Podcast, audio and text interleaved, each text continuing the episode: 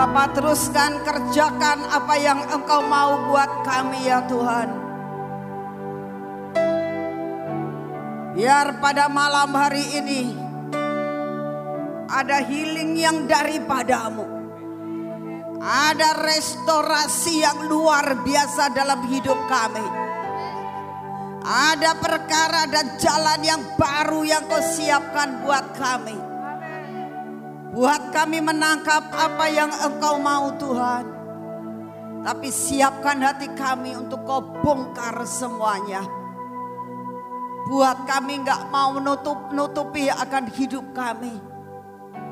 Kami mau terbuka di hadapanmu ya Tuhan. Supaya restorasi boleh terjadi atas hidup kami.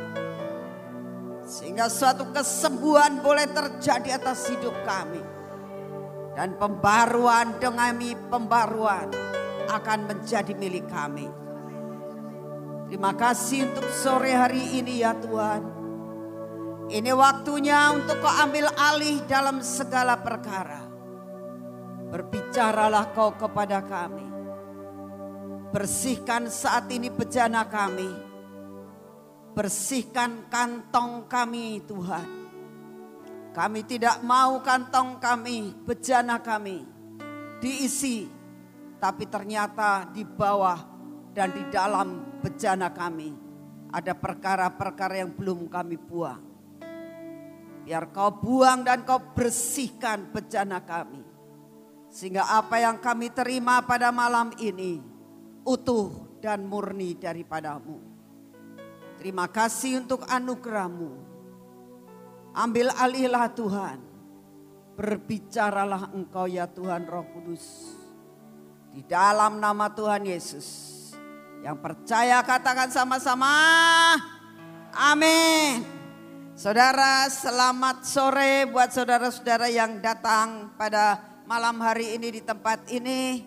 Dan saya menyapa buat saudara-saudara yang streaming saat ini, yang berada di rumah saat ini, yang saat ini sedang ada di tempat masing-masing. Dan biarlah hari ini saudara kita sama-sama menerima apa yang jatah yang Tuhan siapkan buat saudara dan saya. Amin. Saudara sebelum saya khotbah, saya itu mau share. Ya. Saya mau membagi hidup. Saya mau cerita apa yang Tuhan sedang kerjakan dalam hidup saya pada masa-masa pengasingan. Saya harap apa yang saya alami ini akan menjadi berkat buat saudara. Akan mengerti akan apa yang sebenarnya yang Tuhan mau dalam hidup saudara. Dan kita mulai menyelidiki akan hidup kita masing-masing betapa rapuhnya hidup manusia itu. Ya. Saudara, saya mau share di mana pengalaman saya selama beberapa minggu yaitu dimulai tanggal 9 sore 9 Juli ya pada tanggal 9 Juli sampai dengan tanggal 21 Juli. Ini waktu yang cukup lama dan saya selama masa pengasingan itu saya bersyukur sekali kepada Tuhan. Kenapa? Karena saya mulai diajar. Saya mulai diajar apa arti penguasaan diri. Saudara, yang namanya penguasaan diri itu gampang diucapkan. Tapi susah untuk dijalaninya. Perlu perjuangan yang namanya penguasaan diri. Saya biasanya sibuk luar biasa. Dapat dikatakan sebelum adanya virus corona ini, saya dapat dikatakan di rumah itu cuma sehari dua hari. Ya. Pergi lagi, pelayanan lagi, keluar kota lagi. Sampai banyak anak-anak Sion yang mengatakan begini kepada saya. Ibu Nadi itu gak ngerasa capek tah. Gitu. Dengan usia yang sudah cukup, gak kerasa capek tah. Saya sendiri merasakan tidak ada sesuatu yang saya rasakan dengan kata capek, saudara. Karena saya tidur tidur saja, saya pelayanan, selesai saya boleh istirahat, semua saya lakukan dengan sukacita. Dan rasanya tidak pernah dikekang, ya, dibatasi. Tapi yang namanya penguasaan diri itu benar-benar semua dibatasi, Saudara. Kenapa dibatasi? Tidak boleh keluar kamar, Saudara. Sampai sesudah selesai dari pengasingan, saya kalau mau masuk kamar saya sampai, aduh, mau tidur lagi, gitu rasanya begitu. Sampai gak kepengen, gitu. Saking ada suatu perasaan jenuh di dalam kamar. Selama tanggal 9 sampai tanggal 21. Dapat dikatakan gak boleh keluar kamar. Di kamar terus saudara. Ya. Hanya dari kamar duduk, dari duduk ke kamar mandi, dari kamar mandi duduk lagi. ya Sampai suatu saat Sofi ngomong gini, Mama supaya Mama tuh tidak bosan Mama tuh mau nonton film katanya. Lu kan mama gak boleh nonton film. Ya nonton film Kristen toh mah. Masa mah nonton film Kristen gak boleh? Enggak lah non. Jadi itu namanya kejenuhan itu ada dalam kehidupan. Ya. Terutama yang dinamakan penguasaan diri itu biasanya dengan adanya COVID ini kan anak-anak ke sekolah, saya juga nggak pergi-pergi, hidup selalu sama cucu-cucu ceritanya.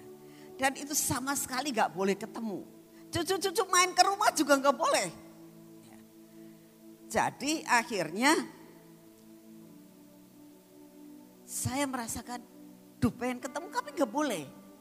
Bolehnya cuma di kamar dan di kamar dan di kamar saudara. Dan saya boleh merasakan itu namanya penguasaan diri itu perlu perjuangan yang keras.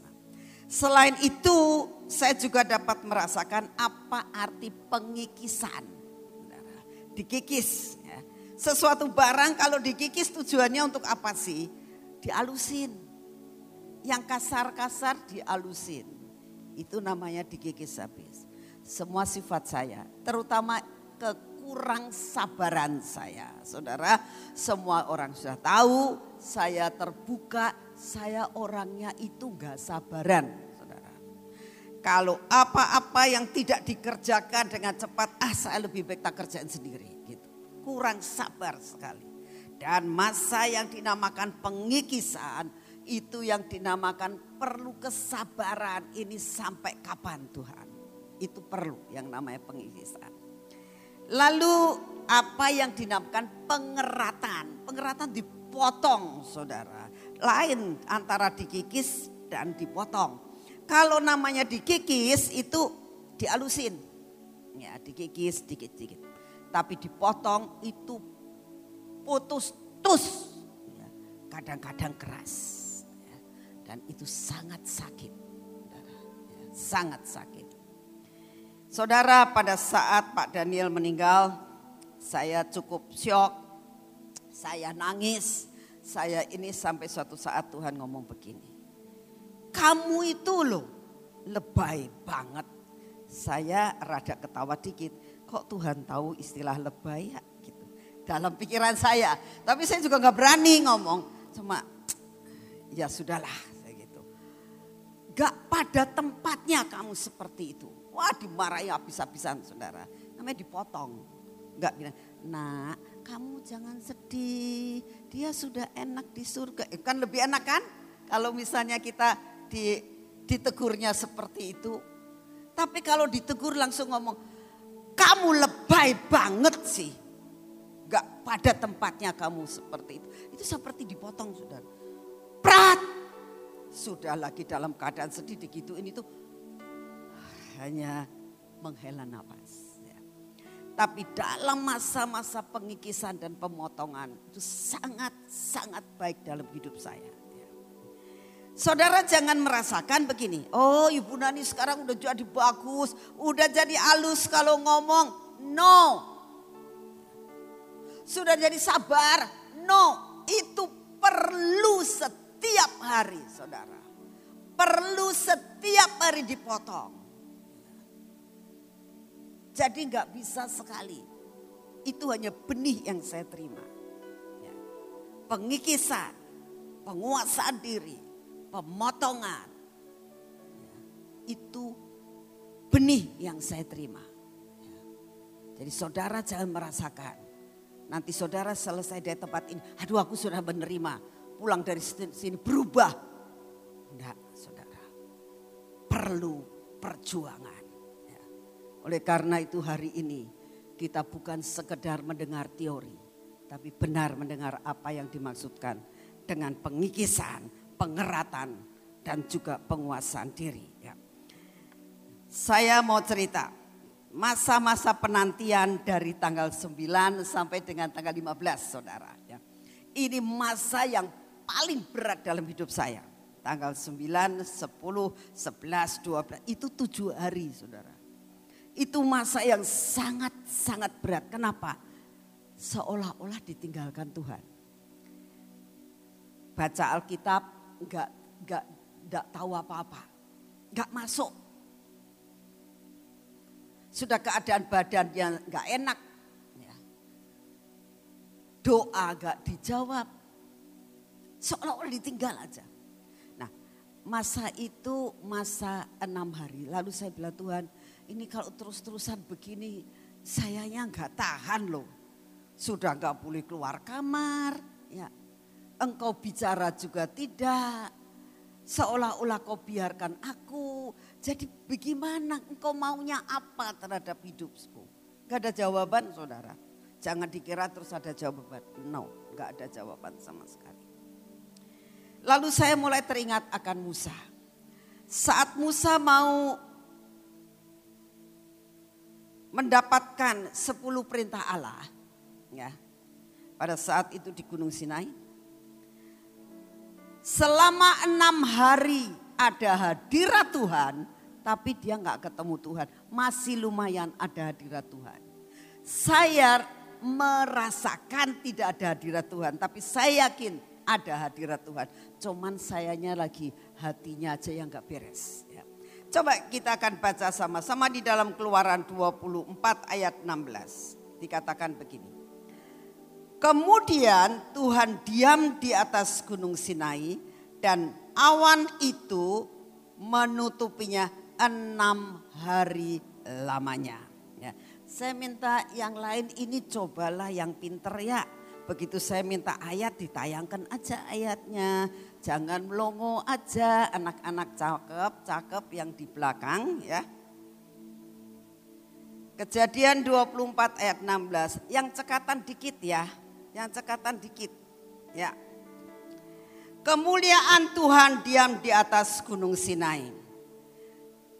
Dan awan itu menutupinya enam hari lamanya. Ya. Dikatakan di dalam kejadian keluaran 24 itu dikatakan jelas kemuliaan Tuhan diam di atas gunung Sinai dan awan itu menutupinya enam hari lamanya. Enam hari saudara gak ketemu Tuhan. Ada kemuliaan Tuhan, tapi gak ketemu. Lalu dikatakan seperti ini. Pada hari ketujuh dipanggilnyalah Musa dari tengah-tengah awan itu. Hari yang ketujuh. Saya pun mengalami yang sama saudara. Enam hari seolah-olah ditinggalkan. Tapi saya rada terhibur. Rada terhibur begini udahlah saya bandingkan dengan Pak Yusak 40 hari pengasingan. Saya gak tahu sampai kapan saya bilang. Tapi saya bersyukur saya masih boleh makan. Pak Yusak puasa. Makan cuma sehari satu kali. Saya sehari tiga kali makan. Ah masih terhibur. Menghibur diri saudara. Saya belajar untuk menghibur diri. Kalau saya baca dari Yehezkiel pun sama. Yehezkiel selama enam hari pun dibiarkan. Hari ketujuh baru mendapatkan sesuatu. Jadi saya sedang menanti-nantikan hari ketujuh saudara. Tapi betul begitu tanggal 15 itu hari ketujuh. Tiba-tiba pagi-pagi saudara jam setengah enam. Ya. Tuhan datang. Ya. Saya biasanya jam setengah lima sudah bangun. Ya. Saya bangun, saya berdoa. Gak ada apa-apa. Tapi saya nggak nggak berani ngomong, Tuhan ini hari ketujuh loh Tuhan, kok engkau nggak datang datang? Nggak berani saudara, sungguh-sungguh nggak berani. Grundel-grundel sedikit dalam hati, tapi saya nggak berani saudara. Ya. Saya diam saja sambil saya merasakan Tuhan, saya datang kepadamu, saya sudah habis pasrah lah. Engkau mau datang ya syukur baik, engkau tidak datang ya tak tungguin sajalah.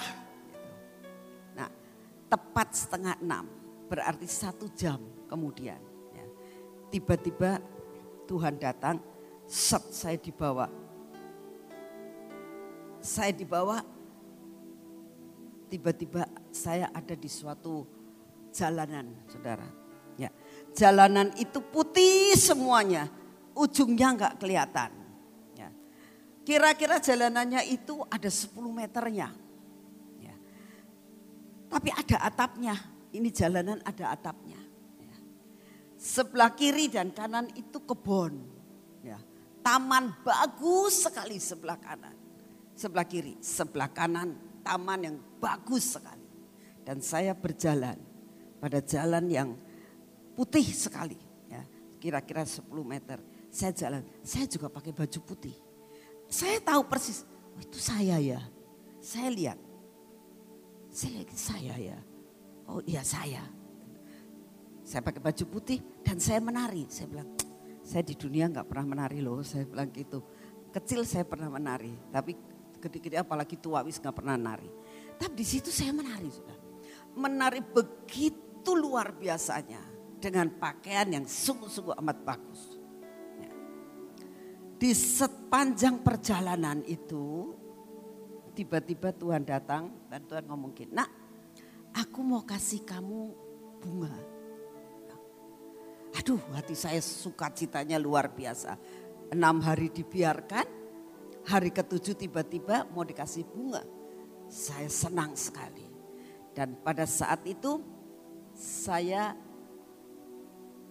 berlutut. Ya, saya berlutut karena sedang menantikan saya mau dikasih bunga. Lama sekali kok nggak dikasih-kasih ya? Tiba-tiba Tuhan ngomong, sudah nak. Oh sudah Tuhan. Kok nggak kelihatan sih bunganya? Sudah aku tanamkan di dalam hatimu. Ini suatu bonus dalam hidupmu.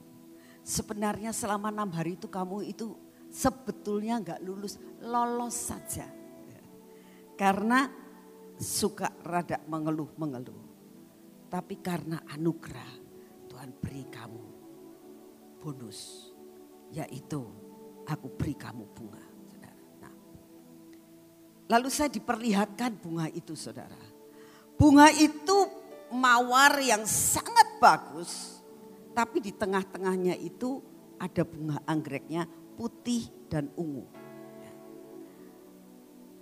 Saya cuma lihat, tapi katanya sudah dimasukkan dalam hati saya. Dan saya terima, saya katakan terima kasih Tuhan.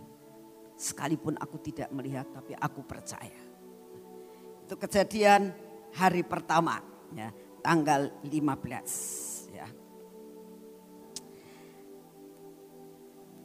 Selesai-selesai itu saya nyat, sadar ya. Itu bukan berarti saya pingsan ya sadar saya selesai doa itu sudah setengah sembilan pagi dari jam setengah lima. Selesai saya, oh kok sudah balik lagi ya saya di sini. Ternyata saya ada duduk di tempat tidur saya. Ya, ya sudah selesai saya bilang terima kasih Tuhan untuk semua dan semuanya. Ini saya terima kasih Tuhan engkau ketemu saya. Engkau nemuin saya itu suatu anugerah. Ya. Selesai saya mandi, saya makan dan sebagainya nungguin dari sekitar jam 10 sampai dur besok lagi saudara. Ngapain? Baca Alkitab, dengerin video, dengerin YouTube itu ya, dengerin lagu-lagu, Sampai kadang-kadang Sofi ngomong, itu lagu apa sih mah?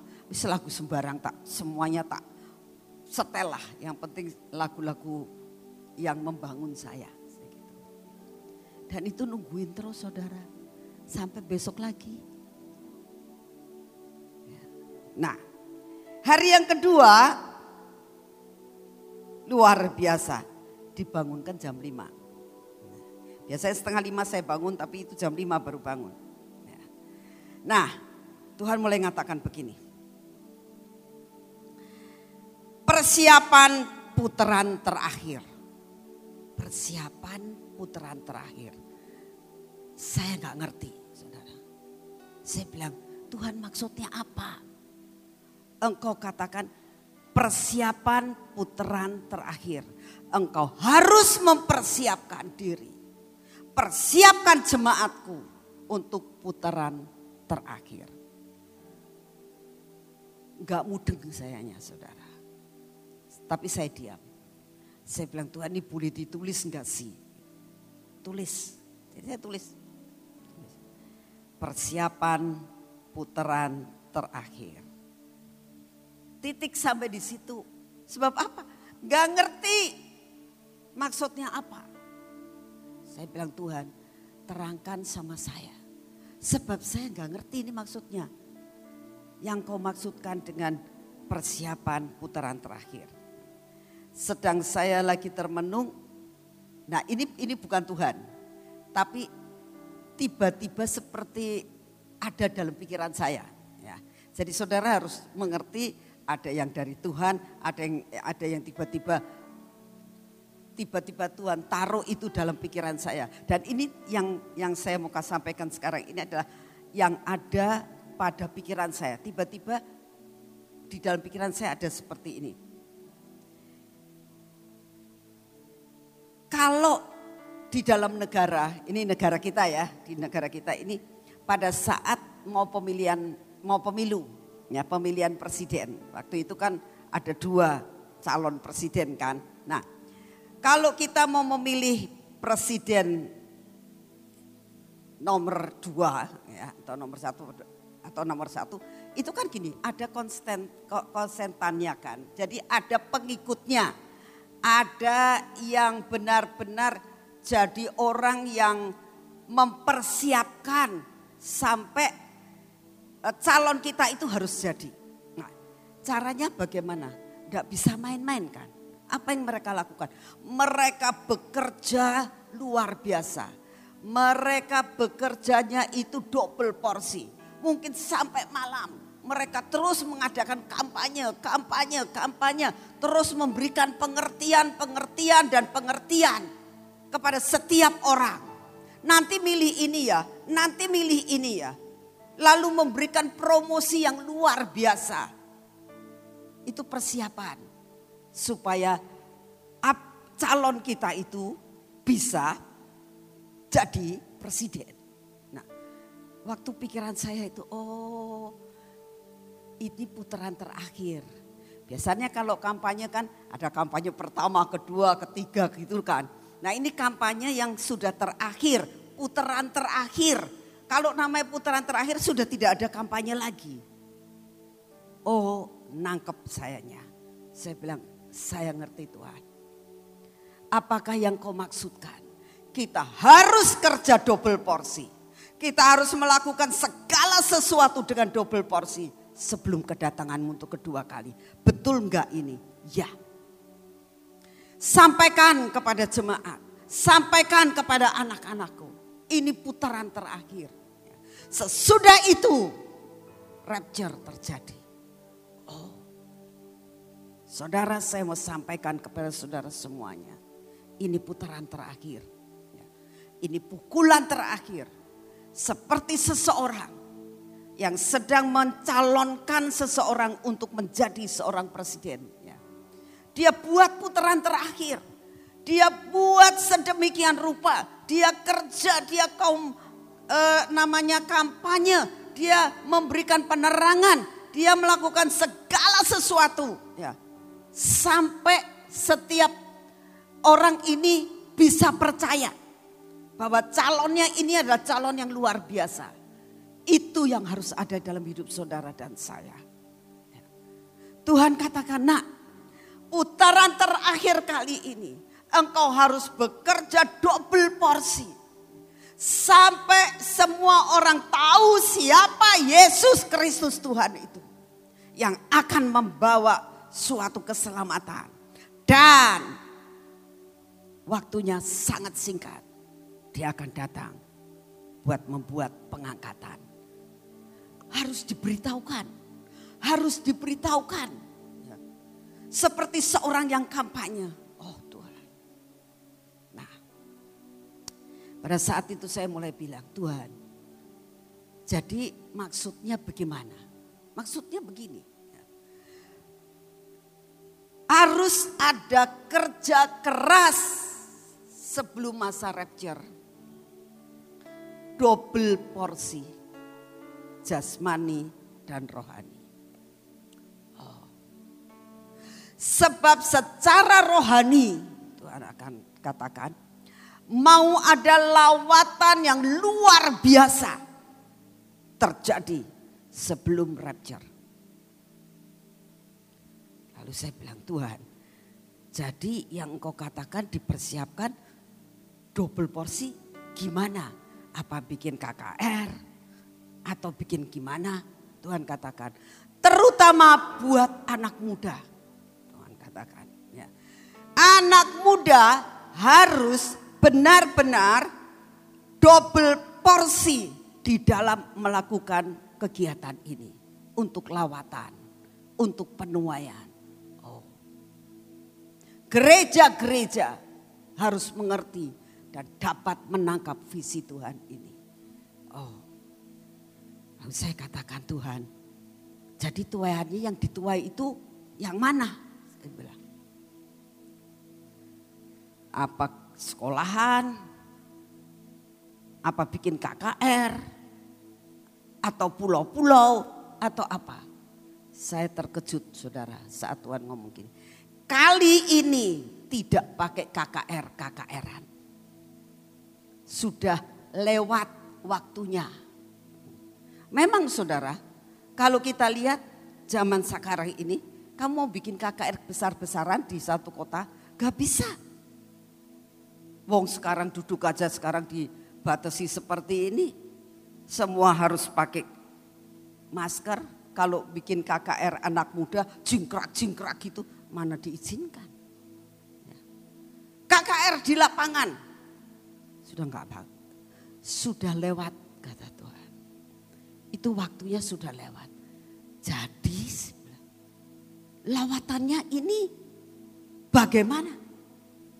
Saya sangat terkejut waktu Tuhan mengatakan. Kali ini lawatannya adalah ke desa-desa dan lereng gunung. Hah? dengarkan telinga-telinga yang hari ini mendengar. Ya, terutama buat anak muda. Yang Tuhan katakan. Lawatan akan terjadi di desa-desa.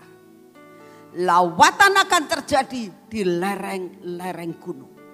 Setiap kota punya desa apa tidak? Ada. Setiap kota ada lerengnya enggak? Lereng itu ya mungkin ada di gunung atau di pinggiran-pinggiran. Itu tempat lawatan terjadi. Saya berdoa saudara. Untuk saudara bisa tangkap ini. Jadi sudah tidak pakai KKR, KKRan. Manggil band-band, wis itu sudah di belakang sudah lewat. Gak bisa kita manggil beberapa pemain band ngajakin anak-anak muda. Ayo kita ini dan sebagainya menyembah Tuhan. Sudah lewat kata Tuhan. Kamu mau melakukan itu terlalu sukar. Ya. Tapi yang Tuhan katakan. Masuklah engkau ke desa-desa dan lereng lereng pegunungan. Oh Tuhan. Oleh karena itu saya ingin sampaikan ini kepada saudara.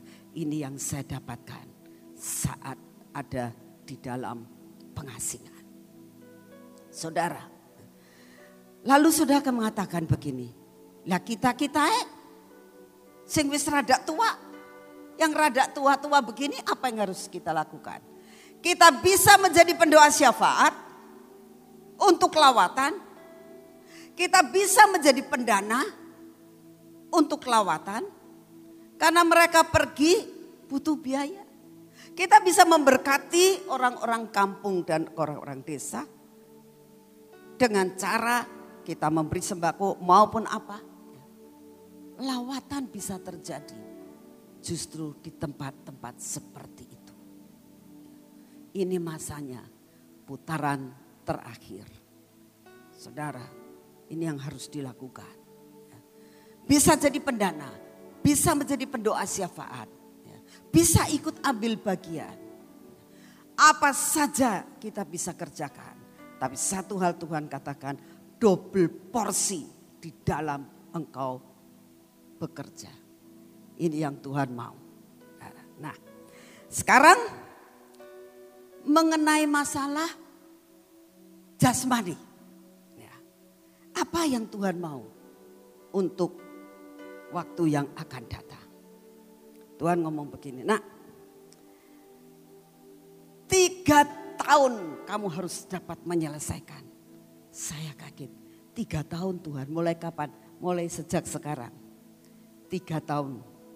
Kamu harus bekerja keras secara bisnis.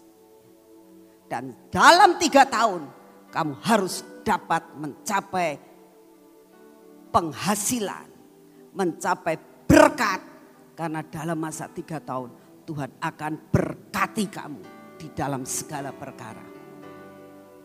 Saudara, saya hanya mau menyampaikan ini. Ini bukannya teorinya saya. Bukannya pikiran saya. Saya hanya dapat saya sampaikan pada hari ini. Ya, tiga tahun mulai sejak sekarang. Kalau sekarang ini tahun 2020 sampai 2023 mencapai 2024. Ya. Karena ini kan sudah pertengahan tahun ya. Ya sampai 2024 sekitar segitu. Dan Tuhan katakan masa tiga tahun ini engkau harus kerja mati-matian. Ya. Double ya. putaran terakhir. Dan Tuhan katakan engkau akan diberkati luar biasa. Amin. Ini yang harus dilakukan. Lalu saudara katakan, kerjanya apa ya? ya? Ada sesuatu yang Tuhan katakan. Kerjakan sesuatu yang ada hubungannya dengan pangan. Ya. Saudara terjemahkan sendiri. Usaha apa ya? Tapi saya harap pekerjaan yang saudara dapatkan sekarang yang ada jangan dibuang. Ya, jangan ditinggalkan. Hanya engkau kalau minta Tuhan aku minta modal atau mungkin ada orang yang mau kerja sama dengan saya atau bagaimana caranya supaya saya ini bisa mencapai akan hal itu. Saat ini para saudara-saudara yang bisnis mulai doa Tuhan kerja apa ya selamat beberapa bulan ini temukan aku. Karena aku harus bekerja hanya kau beri waktu tiga tahun. Ya. Yang hubungannya dengan pangan. Apa kira-kira saudara minta sama Tuhan sendiri. Ya. Kalau misalnya bergerak misalnya pertanian itu otomatis ada urusannya dengan pangan. Garam itu urusannya dengan pangan ya kan. Banyak yang urusannya dengan kebutuhan konsumsi hari demi hari. Ya.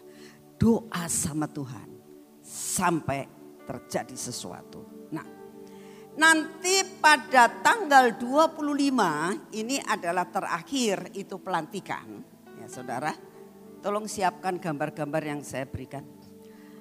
Uh, pada masa pelantikan itu Tuhan kan kasih jubah warna-warni yaitu jubahnya Yusuf. Nah, Di dalam jubah Yusuf itu, kenapa dikasih jubah Yusuf? Nanti itu diterangkan tanggal 25 ya. Karena Tuhan mau memberikan sesuatu yang sekarang saya belum bisa cerita. Ya. Setelah sesudah itu Tuhan mau kasih tiga macam pengurapan. Kenapa saya katakan kalau bisa kalian datang? Karena apa? Pengurapan ini sebetulnya adalah tiga berkat tiga berkat yang saudara akan terima. Di mana saudara akan menerima berkat mengerti hikmat, mengerti arti penyembahan, mengerti apa arti bisnis yang benar. Bisa mempunyai waktu dan ketepatan di dalam mengambil suatu langkah untuk bisnis dan untuk pelayanan. Misalnya Tuhan katakan, engkau ini nanti pelayanannya ke desa-desa Jangan ngawur, desa mana? Wis terjang baik gereja eh, desa mana? Tidak di dalam ketepatan. Dan nanti dalam pengurapan itu Tuhan kasih pengurapan ketepatan. Ya. Salah satu adalah di mana engkau akan dibawa masuk ke dalam keintiman Tuhan. Karena begitu engkau intim dengan Tuhan, engkau akan bisa mengerti apa yang harus engkau lakukan. Amin. Untuk itu saudara akan diurapi dengan minyak keintiman. Nah, minyak keintiman ini tidak dijual di dunia. Ya. Karena di taman Tuhan ada sesuatu hal yang luar biasa Coba ditayangkan minyak yang ada di bot, uh, apa yang di gelas-gelas itu. Ya. Saudara tahu ini minyak keintiman, keluarnya di tempat botol-botol itu tiba-tiba keluar minyak. Ya. Dan akhirnya ditampung. Ada juga yang keluar dari uh, apa yang yang kayak pelita tuh? Bukan yang pelita. Bukan itu. Pelita. Yang kayak ceret itu loh.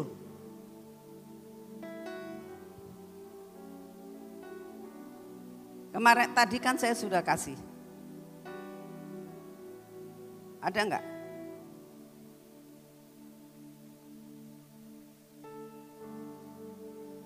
Makanya lain kali minta tolong ya, sebelum kamu tayangkan kamu harus ngomong sama saya dulu. Supaya jangan jangan seperti ini, telat-telatan. Ya. Ya. Ini itu keluar minyak.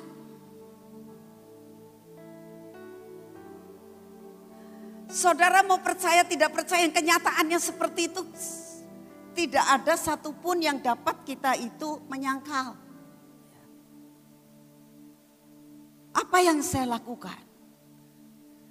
Mulai bulan Januari Tuhan ngomong begini. Nah mulai tahun ini setiap hari selesai PB kamu masuk ke Mahligai. Doa di situ, doa di situ, doa di situ. Saya nggak tahu apa yang harus harus mau kejadian seperti ini, saya juga tidak tahu. Tapi saya mau belajar taat saudara. Setiap selesai PW, saya masuk ke Maligai. Dan setelah di Maligai saya duduk diam, saya kadang-kadang saya menangis. Saya juga tidak tidak ngomong Tuhan kasih minyak, kasih minyak. Saya nggak tahu sih bakal mau dikasih minyak atau tidak. Tapi saya mau belajar dan belajar untuk mentaati apa yang Tuhan mau. Tiba-tiba itu minyak ada. Dari mana? Saya tidak tahu. Saya, saya bilang, kok saya nggak melihat minyaknya dari atas kayak hujan tetes, tetes, tetes gitu ya. Tiba-tiba sudah ada di situ. Dan minyak itulah, keintiman itulah yang nanti saudara akan dapat tetes masing-masing. Makanya saya bilang ini tidak ada di dunia. Kalau saudara tidak datang, Ya bagaimana bisa mendapatkan hal itu. Ya. Yang kedua, ya, itu minyak yang keluar dari kesembuhan. Ya. Ada darahnya. Bisa ditayangkan daunnya.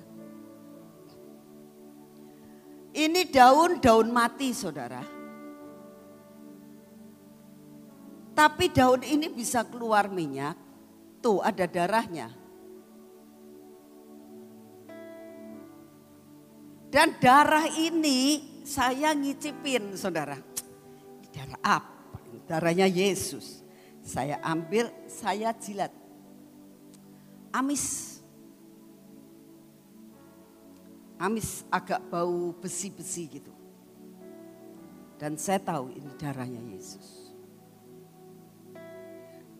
Ditampung saat ini. Ya. Yang ketiga, minyak ini keluar dari pedang terobosan.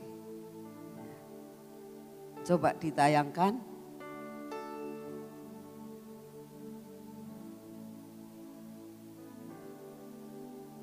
itu minyak bisa keluar. Tuh, minyaknya bisa keluar tuh. Ya, terus bisa netes. Itu semua barang mati, bukan barang hidup. Ya. Tadi sebelum kebaktian, saya dari rumah jam 5 kurang seperempat. Saya mampir ke tempat taman. Pas sedang netes. Karena saya sedang berdoa, Tuhan tolong sih. Karena netesnya kan sedikit-sedikit. Nanti tanggal 25 supaya rada banyak. Kalau enggak enggak cukup untuk dibagikan. Oleh karena ini sekarang kita sedang tampung terus, ditampung terus. Untuk dibagikan tanggal 25. Nah ini yang akan dibagikan saudara. Biar keajaiban yang terjadi, benih ini turun atas hidup saudara dan saya. Dan menjadi keajaiban dalam hidupmu. Dan akan dibawa tiga tahun ini. Akan terjadi terobosan, akan terjadi perlipat kali gandaan. Nah, selain itu saudara, Saudara masih ingat dulu pernah dibagikan di seluruh anak bahtera koin yang seribuan. Perlipat kali gandaan seribu. Kalian cari itu saudara ya. Lalu katakan Tuhan ini terjadi terobosan. Perlipat kali gandaan seribu kali. Ya. Nanti tanggal 25 di bawah saudara, supaya ada perkara-perkara yang ajaib. Ini pun Tuhan katakan, nak kamu ingatkan janjiku tentang seribu kali. Dan saya sampaikan kepada saudara saat ini. Kalau saudara tanya, kalau nggak punya, boleh nggak bawa koin yang seribu? Gak apa-apa, kalau sampai kamu nggak punya yang dulu, ya. Dulu waktu kalau di Sion, ya, dulu waktu dibagiin itu tak kasih uh, tetesan cat merah. Jadi punya saya nggak bakal keliru untuk dikasihkan ke orang lain atau dikasihkan ke tukang parkir ya, karena ada ada tandanya merah. Kalau di Sion itu saya kasihnya ada tandanya merah, tapi di kota-kota lain semua pasti dibagikan. Karena saat itu Tuhan yang suruh, suruhkan untuk seratus, seribu kali ganda. Ya. Ini hanya saya memberitahukan kepada saudara, ini yang bakal terjadi. Ya. Nah sekarang apa yang saya dapatkan di dalam hari-hari kemudiannya. Di dalam pengasingan Tuhan itu ngas, ngomong gini, aku mau kasih kamu sepuluh fungsi anak kapak. Sepuluh fungsi anak kapak. Sepuluh fungsinya anak. Jadi kapak itu punya anak yang namanya uh, ini nih, yang yang ini nih, ini yang kayak gini. Nah ini ini mata kapak namanya ya. Nah mata kapak ini itu fungsinya sepuluh. Saya dapat pengajaran ini sampai dengan tanggal 21. Pol sepuluh-sepuluhnya. Saya berdoa hari ini hanya bisa satu yang dibahas. Ya. Karena apa? Karena ada kesaksian dan ada ada awal-awal saya banyak cerita. Ya. Saya berdoa dan tolong di, saudara juga bantu doa supaya tanggal 11 dan tanggal 18 itu yang 9 bisa selesai. Yang tanggal 11 mungkin bisa 4 atau 5, tanggal 18 bisa 4 atau 5. Jadi akhirnya bisa pol 10. Sehingga tanggal 25 itu selesai masa pelajaran tentang fungsi mata kapak. Ya, saya harap saudara bisa nangkap ini semuanya. Ya, kita akan mulai. Saya mendapatkan dari Tuhan tentang mata kapak. Nah, saudara, saya mau ngajar saudara untuk mengerti ya, betapa kita itu orangnya terlalu keminter termasuk saya. Makanya saya bilang dikikis, dipotong, ya, dan diberi pelajaran tentang roh penguasaan diri. Sebab apa saudara? Waktu Tuhan ngomong, nah aku akan memberikan pelajaran kepadamu tentang sepuluh fungsi mata kapak. Saudara tahu nggak saat saya dikatakan begitu, saya tuh rada kecewa saudara. Saya bilang Tuhan kok ngasih pelajaran kok mata kapak sih. Saya ngomong gitu loh. Bok yang lebih spektakuler gitu loh. Wong saya sudah bayar harganya mahal. Kamu suruh pengasingan berhari-hari. Kok cuma diajari tentang mata kapak. Zaman sekarang kapak itu sudah nggak laku. Saya ngomong begitu di hadapan Tuhan. Ya. Kenapa Tuhan? Saya bilang, zaman sekarang udah pakai laser. Betul kan Pak Gideon? Ya. Gak ada Pak Gideon motong kayu pakai kapak sekarang. Ya. Pakai laser sekarang tuh. Ya. Pakai mesin. Gak ada pakai kapak. Kayaknya kuno banget Saudara tahu, begitu saya mengatakan begitu, plus Tuhan pergi. Saya ditinggal. Saya kerasa. Saya kerasa bahwa dia pergi. Saya melongo. Loh kok ditinggal? Saudara, saya ditinggal seperti orang yang kehilangan. Loh, Tuhan kok mbok tinggal? Kenapa? Dalam diri saya perlu dikikis habis. Dalam diri saya perlu dipotong. Karena Tuhan katakan, nak engkau itu punya kesombongan yang terselubung. Potong dulu kamu sebelum kamu ngajar. Engkau terlalu sombong Sombongmu sombong yang terselubung. Saya diam saat Tuhan marah, saya diam. Seringkali kita tidak sadar. Dan ternyata kesombongan terselubung itu ada dalam hidup saudara semuanya. Termasuk saya. Dari anak kecil sampai orang tua. Semuanya pasti punya kesombongan. Dan kadang-kadang kesombongannya terselubung. misalnya tersinggung ya. Aduh sorry ya, gak apa-apa, gak apa-apa, aku gak kesinggung. Tapi sebetulnya dalam dirinya ada kesombongan. Ada yang sesuatu yang disembunyikan. Sakit, awas.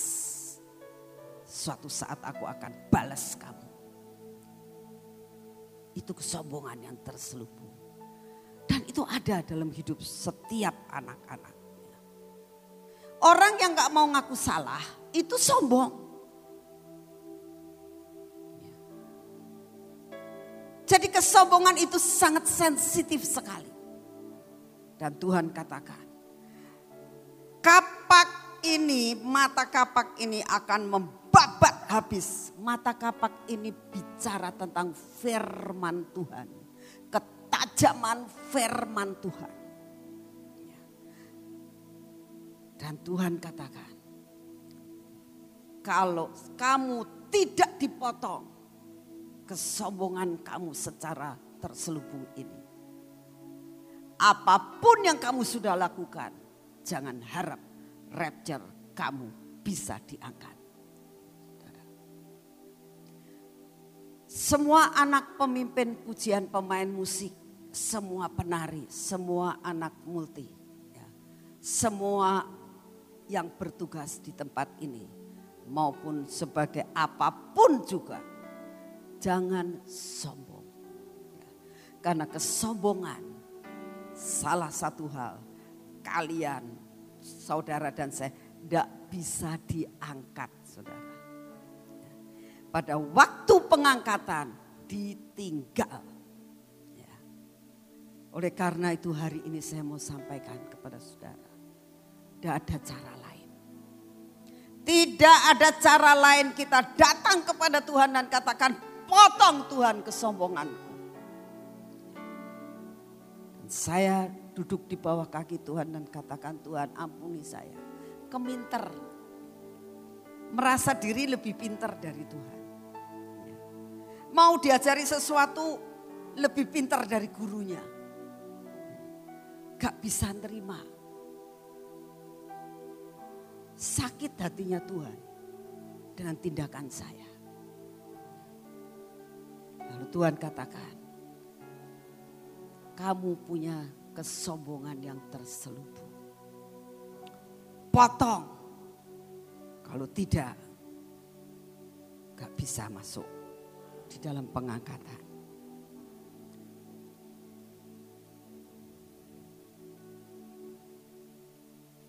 Kita baca di dalam 1 Samuel 2 ayat yang ketiga.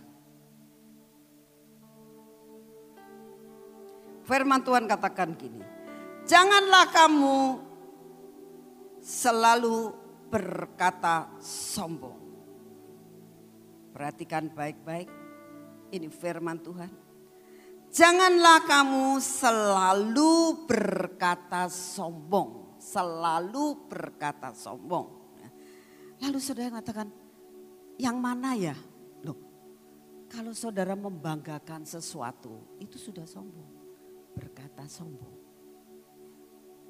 Kalau kamu merasakan diri kamu lebih dari yang lain, itu pun sudah berkata sombong. Jangan caci maki keluar dari mulutmu. Karena Tuhan itu Allah yang maha tahu. Dan oleh dia perbuatan-perbuatan diuji. Saudara, sekalipun saudara mengatakan aku tidak sombong kok, aku cuma ngomong begini saja. Yang bisa menguji hatimu bukan orang lain tapi Tuhan. Ya. Mari saat ini kita selidiki dalam hidup kita. Dikatakan Allah itu maha tahu. Dengan segala perbuatan-perbuatan yang saudara dan saya lakukan. Itu diuji saudara. Ya. Untuk pengujian ini kalau toh kamu tidak lulus. Engkau tidak bisa masuk di dalam pengikutan untuk pengangkatan. Amsal 16 ayat 18 dikatakan begini. Kecongkakan mendahului kehancuran dan tinggi hati mendahului kejatuhan. Sebetul saudara. Kita sering kali nyanyi. Hineni. Betul? Tapi untuk menjadi hineni itu tidaklah semudah kata-kata. Kita bisa katakan hineni ini aku Tuhan.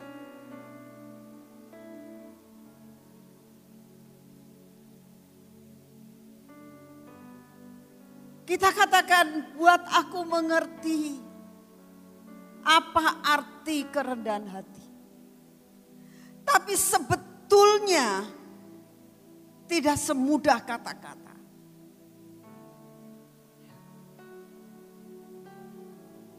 Dan Tuhan katakan, selama kesombonganmu ini tidak dihancurkan pada masa tiga tahun kau diberkati, engkau pasti akan jatuh. Dan apa? Hasil daripada kejatuhan. Masuk di dalam pengangkatan. Kau kaya, engkau berhasil, tapi kesombongan. Begitu engkau punya uang, langsung, wah pengen beli rumah bagus lah. Wah pengen beli sepeda yang harganya 200 juta. Zaman sekarang lagi sepedaan semuanya ya. Wah saya mau beli mobil baru. Saudara, saudara diberkati untuk lawatan. Amin. Dan kejatuhan itu akan membawa saudara dan saya tidak bisa diangkat. Mari kita babat habis kesombongan itu. Kita baca di dalam Yesaya 10 ayat 33. Firman Tuhan mengatakan begini. Lihat Tuhan semesta alam akan memotong. Perhatikan ya. Saudara siap dipotong? Saudara siap dikikis? Yang sebelah sini. Yang sebelah sini bagaimana? Yang di atas? Amin. Ya. Dikatakan Tuhan semesta alam akan memotong dahan-dahan pohon dengan kekuatan yang menakutkan. Yang tinggi tumbuhnya akan ditebang, yang menjulang ke atas akan direndahkan. Belukar rimba akan ditebas dengan kapak. Kenapa enggak pakai mesin ya? Pakainya kapak. Dari Libanon dengan pohon-pohon yang hebat akan jatuh. Saudara. Awas hati-hati. Mulai hari ini sampai nanti kamu pulang. Sampai beberapa bulan ke depan. Engkau akan dibabat habis. Engkau akan dipotong benar-benar. Akan semua yang tinggi akan dipotong. Saudara. Pada waktu itu Tuhan katakan gini, nak aku untuk akhir zaman ini tidak mau merenovasi hidupmu. Tapi aku akan merobohkan semuanya. Tak babat habis. Dan aku akan membangun sesuatu hal yang baru dalam kehidupan. Siapa yang mau dibangun atau direnovasi? Mau renovasi atau mau dibangun? Mau dibangun? Siap buat dirobohkan sakit. Tapi itu akan membawa suatu kemuliaan yang luar biasa. Saudara saat saya merenungkan ini, nah mulai Tuhan ingatkan lagi ya. Jadi ini bukan dari Tuhan tapi dari pikiran saya. Saya diingatkan pada masa pembangunan rumah saya, saudara. Ya. Saya lupa tahun berapa, tapi saya itu sebelum punya rumah ini, rumah saya itu sudah bagus saudara. Luasnya 999, bagus kan? Triple nine. Aneh. Saya bilang ini rumah kok nggak seribu gitu loh. Kok 999 sertifikatnya tuh 999. Ya. Memang pada saat membeli rumah itu rumahnya jelek. Ya, rumahnya rumah kuno. Begitu kita beli, saya bilang, "Pak, ini bisa direnovasi enggak? Oh bisa, sangat bisa. Saya bisa merenovasi rumah ini. Kamu pengennya gimana? Saya pengennya uh, kamar, dia bilang kamar yang sebelah sana biar buat mainan Sofi waktu kecil gitu ya. Di sini kamar kita, dia bilang. Di depan kamarnya engkong. Jadi kamarnya tiga aja ya? Ya, dia bikin sedemikian rupa bagusnya rumah saya saudara. Direnovasi tapi. Ruangan tengahnya besar. Enak, sudah cukup enak lah rumah saya itu. Menjadi bagus rumahnya. Sampai dengan berjalannya waktu, suatu saat Sofi itu ngomong, Mah saya kok pengen punya rumah loteng. Dalam pikiran saya, buat apa rumah roteng gitu ya. Ini sudah cukup. Ya. Setiap malam dia selalu berdoa, Tuhan berikan kami rumah loteng, berikan kami rumah loteng. Ya. Dan Tuhan itu selalu pendengar doa. Ya. Sampai saya berdoa gini, Pah gimana sih Pah kalau rumahnya ini dibikin loteng saja. Turutilah karpe anake, saya gitu. Terus suami saya bilang begini, kamu tahu, kalau kamu mau bikin rumah bertingkat, ini harus diambrukkan. Hah? Kan kamu arsitek. Kan kamu bisa. Caranya gimana? Dibikin fondasinya. Tidak bisa. Sebab apa? Sebab saya tidak tahu fondasinya rumah ini dulunya kayak apa. Saya yang nggak bangun kok. Dulu kan kita cuma renovasi. Jadi saya tidak tahu dasar daripada pembangunan rumah ini itu dari apa. Kalau dibikin loteng, dibikin tingkat, bisa ambruk. Jadi ya kalau kamu mau diambrukkan semuanya, dibikin fondasi baru. Saudara, pada saat itu saudara-saudara yang lain ngomong, Cik, kalau aku jadi Aladin sih pengen rumah Cik, tak ambil, tak pindah tanah. Kan jadi nggak sayang-sayang. Sayang saudara, pada saat rumah itu yang masih bagus, masih bisa ditempati, tidak ada rayap, dan perlu digempur mati-matian. Dihancurkan semua dan semuanya sampai rata tanah. Itu terjadi. Saudara, sedangkan pada saat itu ya, pada saat renovasi itu semua diganti sama suami saya sampai lantai-lantai pun diganti dengan marmer yang baru. Tapi sekarang itu semuanya dihancurkan, semua dihancurkan. Semua dibuang. Dan dibangun baru. Dengan fondasi yang baru. Dengan interior yang baru. Dengan bangunan yang baru. Dengan model yang baru. Dan saya rasakan kalau dibandingkan dengan yang dulu, rumah saya lebih bagus. Tapi perlu yang dinamakan pengorbanan yang luar biasa. Rela menyerahkan, dibongkar habis-habisan sampai rata tanah. Saudara, ini yang bakal terjadi dalam hidupmu secara rohani nanti. Mau tidak mau, ini putaran terakhir dalam hidupmu.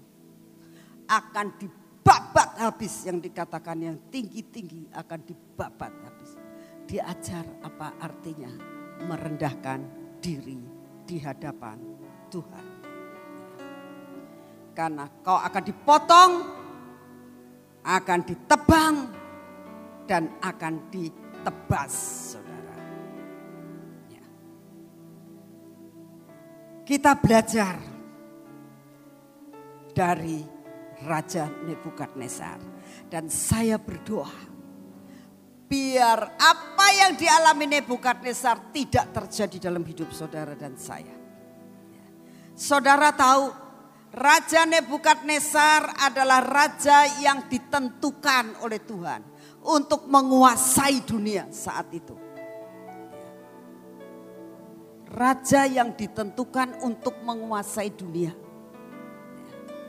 Tidak berbeda firman Tuhan hari ini untuk saudara. Saudara akan dijadikan bendahara-bendahara dari Tuhan. Bukankah itu namanya saudara akan menjadi raja untuk menguasai perdagangan. Tapi awas hati-hati. Jangan sampai seperti Raja Nebukadnezar. Kita lihat mimpinya di dalam Daniel Fatsal 4 mulai dari ayat yang ke-10. Adapun penglihatan yang kudapat di tempat tidurku itu demikian. Di tengah-tengah bumi ada sebatang pohon yang sangat tinggi. Saudara, dia mimpi. Sebetulnya mimpi itu punya arti untuk memperingatkan dia. Memperingatkan. Kamu ini awas hati-hati loh. Kamu diberkati Tuhan, hati-hati. Katakan, daunnya indah, buahnya melimpah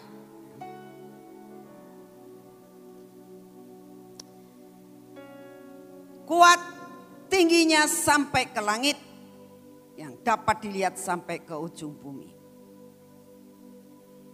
Daunnya indah, buahnya melimpah. Padanya ada makanan yang semua hidup di bawahnya. Binatang-binatang di padang mencari tempat bernaung dan di dalam dahannya bersarang burung-burung di udara dan segala makhluk mendapat makanan daripadanya. Kemudian dalam penglihatan yang kudapat di tempat tidurku itu tampak seorang penjaga, seorang kudus turun dari langit. Ia berseru dengan nyaring demikian katanya. Tebanglah pohon itu dan potong dahan-dahannya.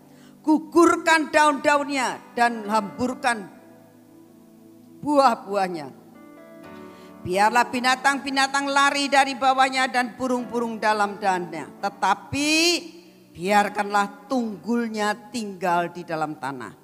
Terikat dengan rantai dan di besi dan tembaga. Di rumput muda di padang biarlah ia dibasahi dengan embun dari langit dan bersama-sama binatang-binatang mendapat bagiannya dalam rumput di bumi. Biarlah hati manusianya berubah dan diberikan kepada hati binatang. Demikianlah berlaku atasnya sampai tujuh masa berlalu. Dia cerita sama Daniel. Lalu Daniel ngomong, Tuhan kalau bisa jangan terjadi atas hidupmu. Ini peringatan. Jadi mulai saat ini Tuhan harus rendah hati Tuhan harus percaya, jangan percaya kepada kemampuanmu sendiri. Percayalah kepada Tuhan yang memiliki hidupmu, yang memberi segala sesuatu. Sudah dikasih tahu. Sudah dikasih tahu. Jangan sampai Tuhan menjadi punya hati binatang. Jangan Tuhan, jangan. Tetapi apa yang terjadi?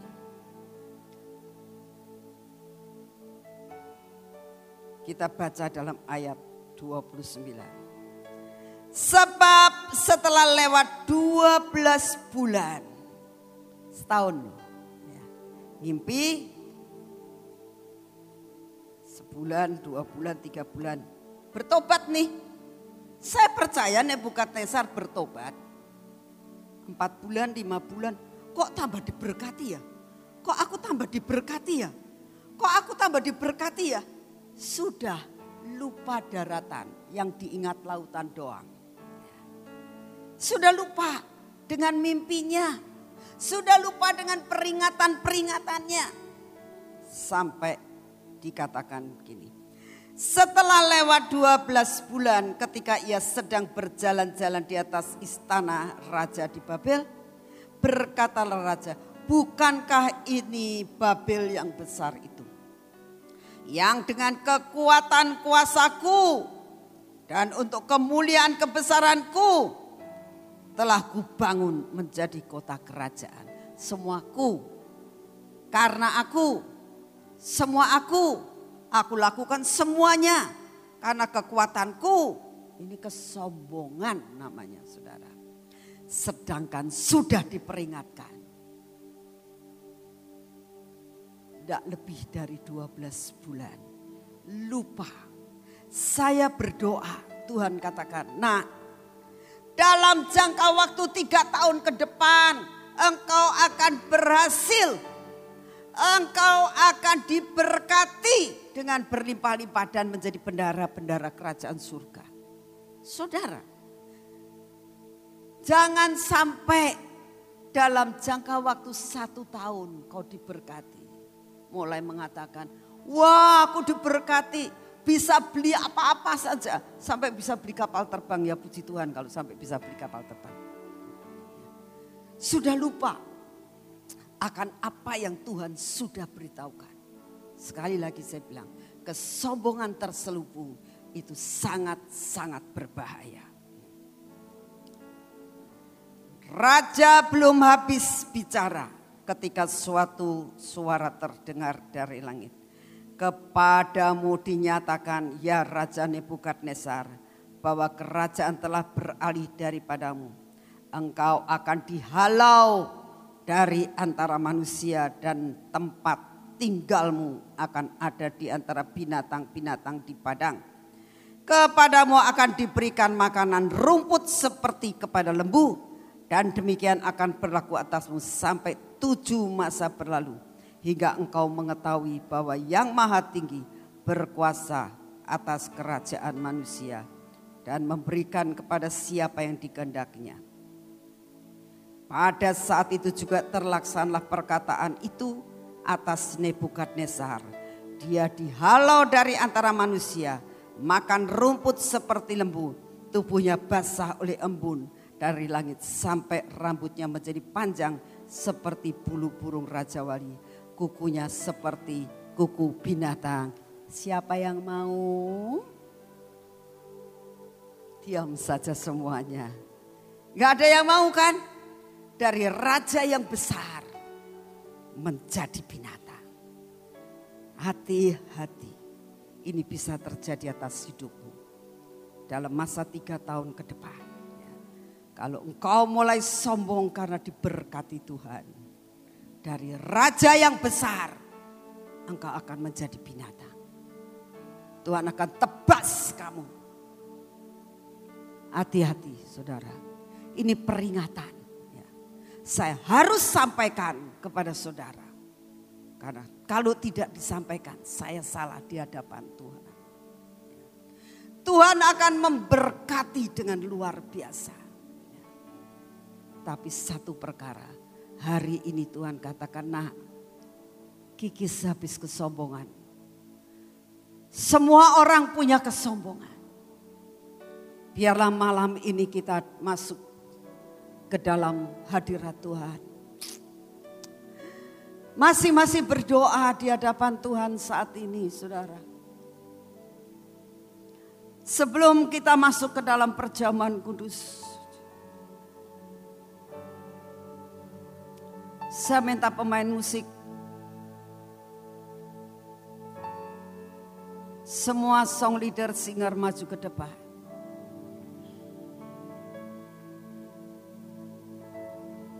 Kita nyanyikan basuh aku di dalam darahmu Tuhan.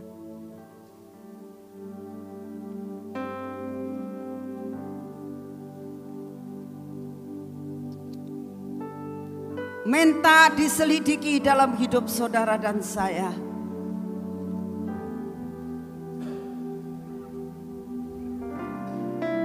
Tuhan biarlah mata kapakmu saat ini bukan sekedar mencungkil. Tuhan, tebas hidup kami. Dengan kuasa darahmu.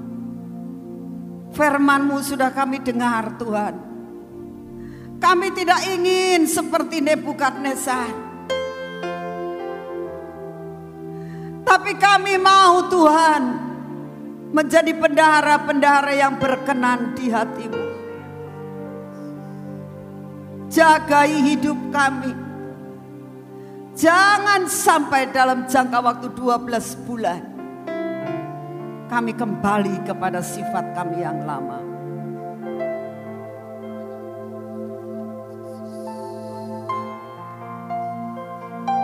Minta dibasuh oleh darah Yesus. Basuh aku di dalam darahmu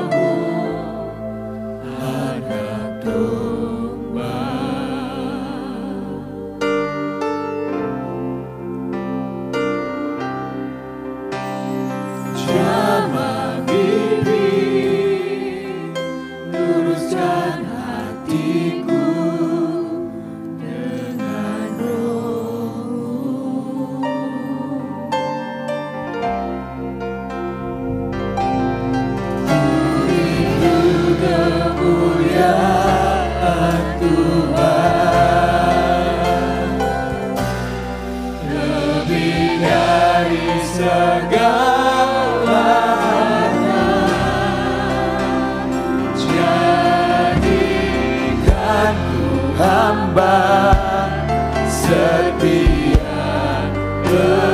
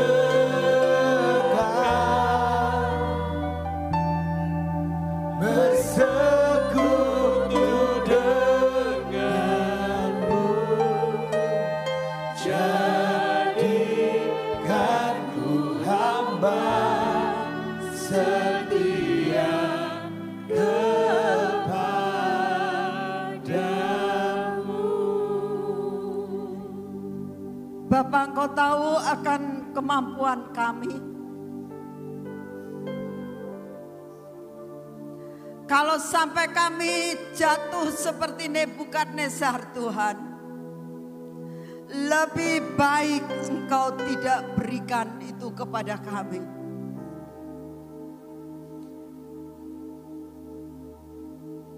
Kami tidak mau ditinggal.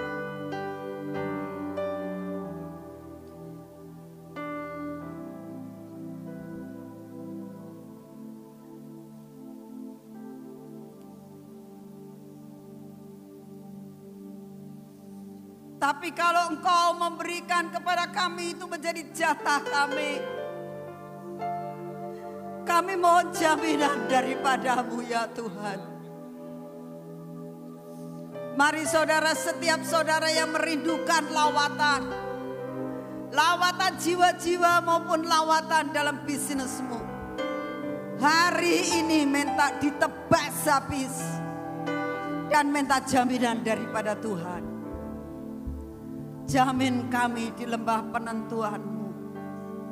Jamin kami Tuhan. Kami tidak mau melangkah sebelum engkau jamin kami. Biar kami boleh mencapai destiny kami dengan kuat. Hanya karena jaminan daripadamu.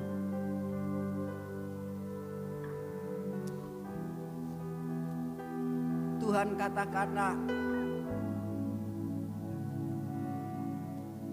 jaminan itu ada di dalam kuat firman. Kuat di dalam firman. Jangan lupa membaca firman Tuhan. Dalam keadaan suka maupun duka. Baca firman jangan berhenti. Perjamuan kudus jangan berhenti.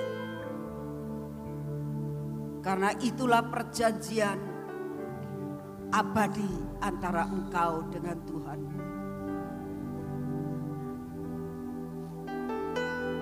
Terima kasih Tuhan untuk kunci yang kau berikan buat kami. Tebas Tuhan akan roh kesombongan kami hari ini. Sampai habis Tuhan. Biar tiap hari engkau tebas dengan kapakmu Tuhan. Buat kami tidak lupa membaca firman-Mu dan perjamuan kudus. Mari saudara kita masuk dalam perjamuan kudus. Setiap orang yang belum dapat, saya minta para asir untuk memberikan. Ini adalah salah satu jaminan untuk kami bisa mencapai garis akhir.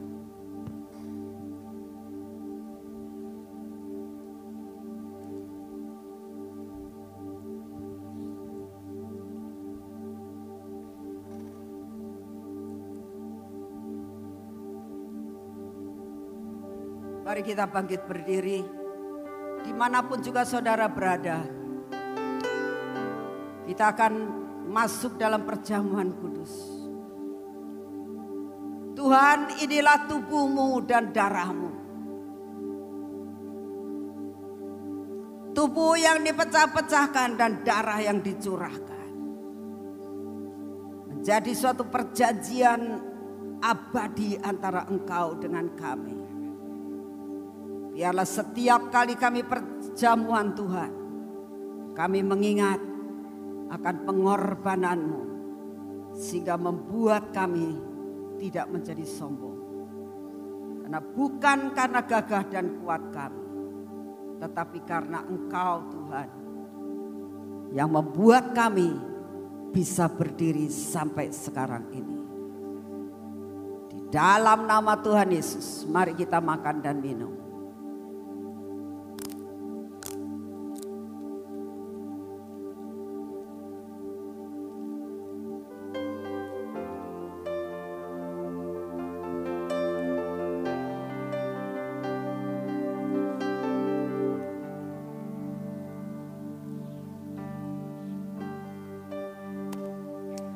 Silakan duduk saudara, kita akan mendengar banyak pengumuman.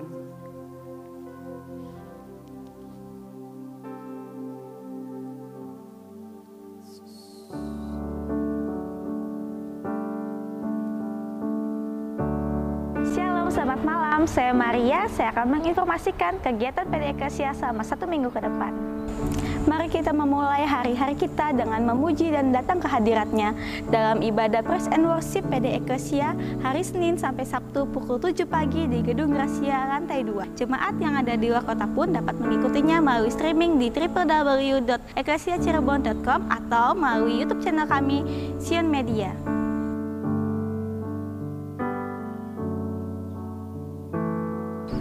Pembinaan Iman PD Eklesia hari Selasa tanggal 11 Agustus 2020 akan dilayani oleh hambanya Ibu Nani Susanti di Gedung Gracia lantai 2 pukul 6 sore hingga selesai.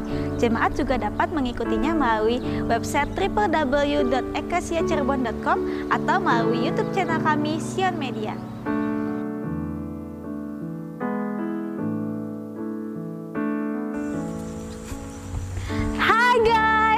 Ada yang seru loh Jumat besok tanggal 7 Agustus 2020 kita akan ibadah bersama Lifeguard Youth Community di Gedung Gracia lantai 2 pukul 6 sore hingga selesai. Keseruan kita akan dilayani oleh Koko Chris. Mau tahu? Mau tahu keseruannya kayak gimana? Kepoin ya Instagram kita di lifeguard.community. Oke, see you. Bye-bye.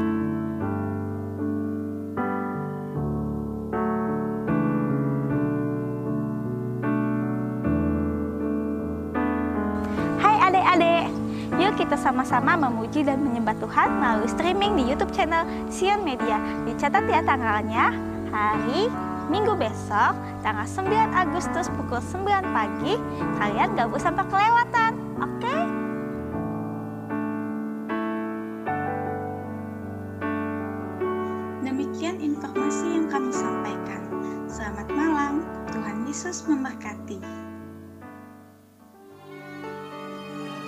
Yang tadi saya minta tolong ditayangkan. Eh, besok ada acara streaming dan juga Zoom atau apa ya? Zoom ya. Ah-ah. Eh, yang dipimpin oleh si Jos, anaknya Ibu Iin. Passwordnya ada, ID Zoom-nya ada. Jam 6 sore, terutama buat anak muda. Dengan judul Roh Kudus Penolongku. Ya. Saya harap anak-anak muda semua bisa mengikutinya. Ya.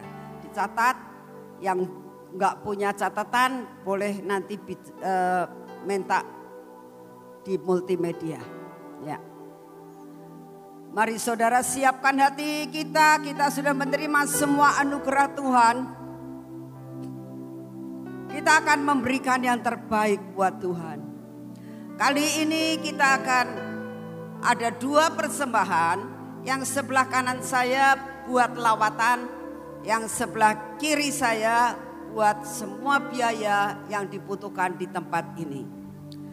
Bapak saat ini kami datang di hadapanmu. Kami mau memberikan yang terbaik untukmu ya Tuhan. Bicaralah kau kepada kami berapa yang harus kami mi- berikan kepadamu. Dalam nama Tuhan Yesus. Amin. Mari silakan maju ke depan. Beri yang terbaik untuk Tuhan pada malam hari ini. Kiranya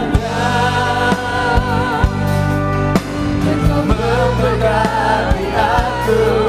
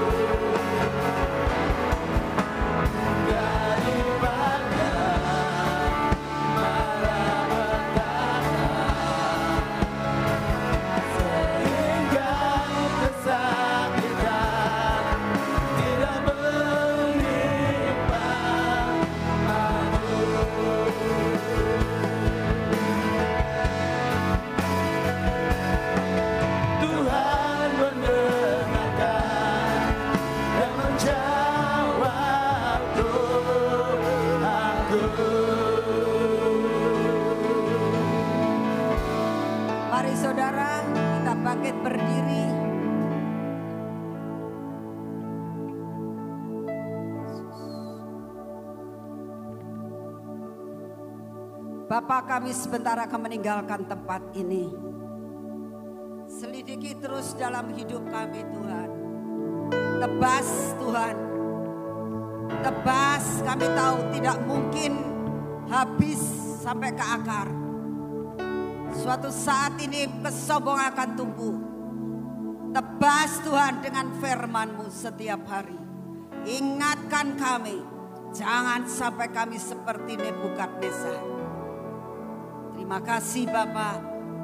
Kami pulang dari tempat ini dengan membawa berkat-berkat yang berasal daripada-Mu.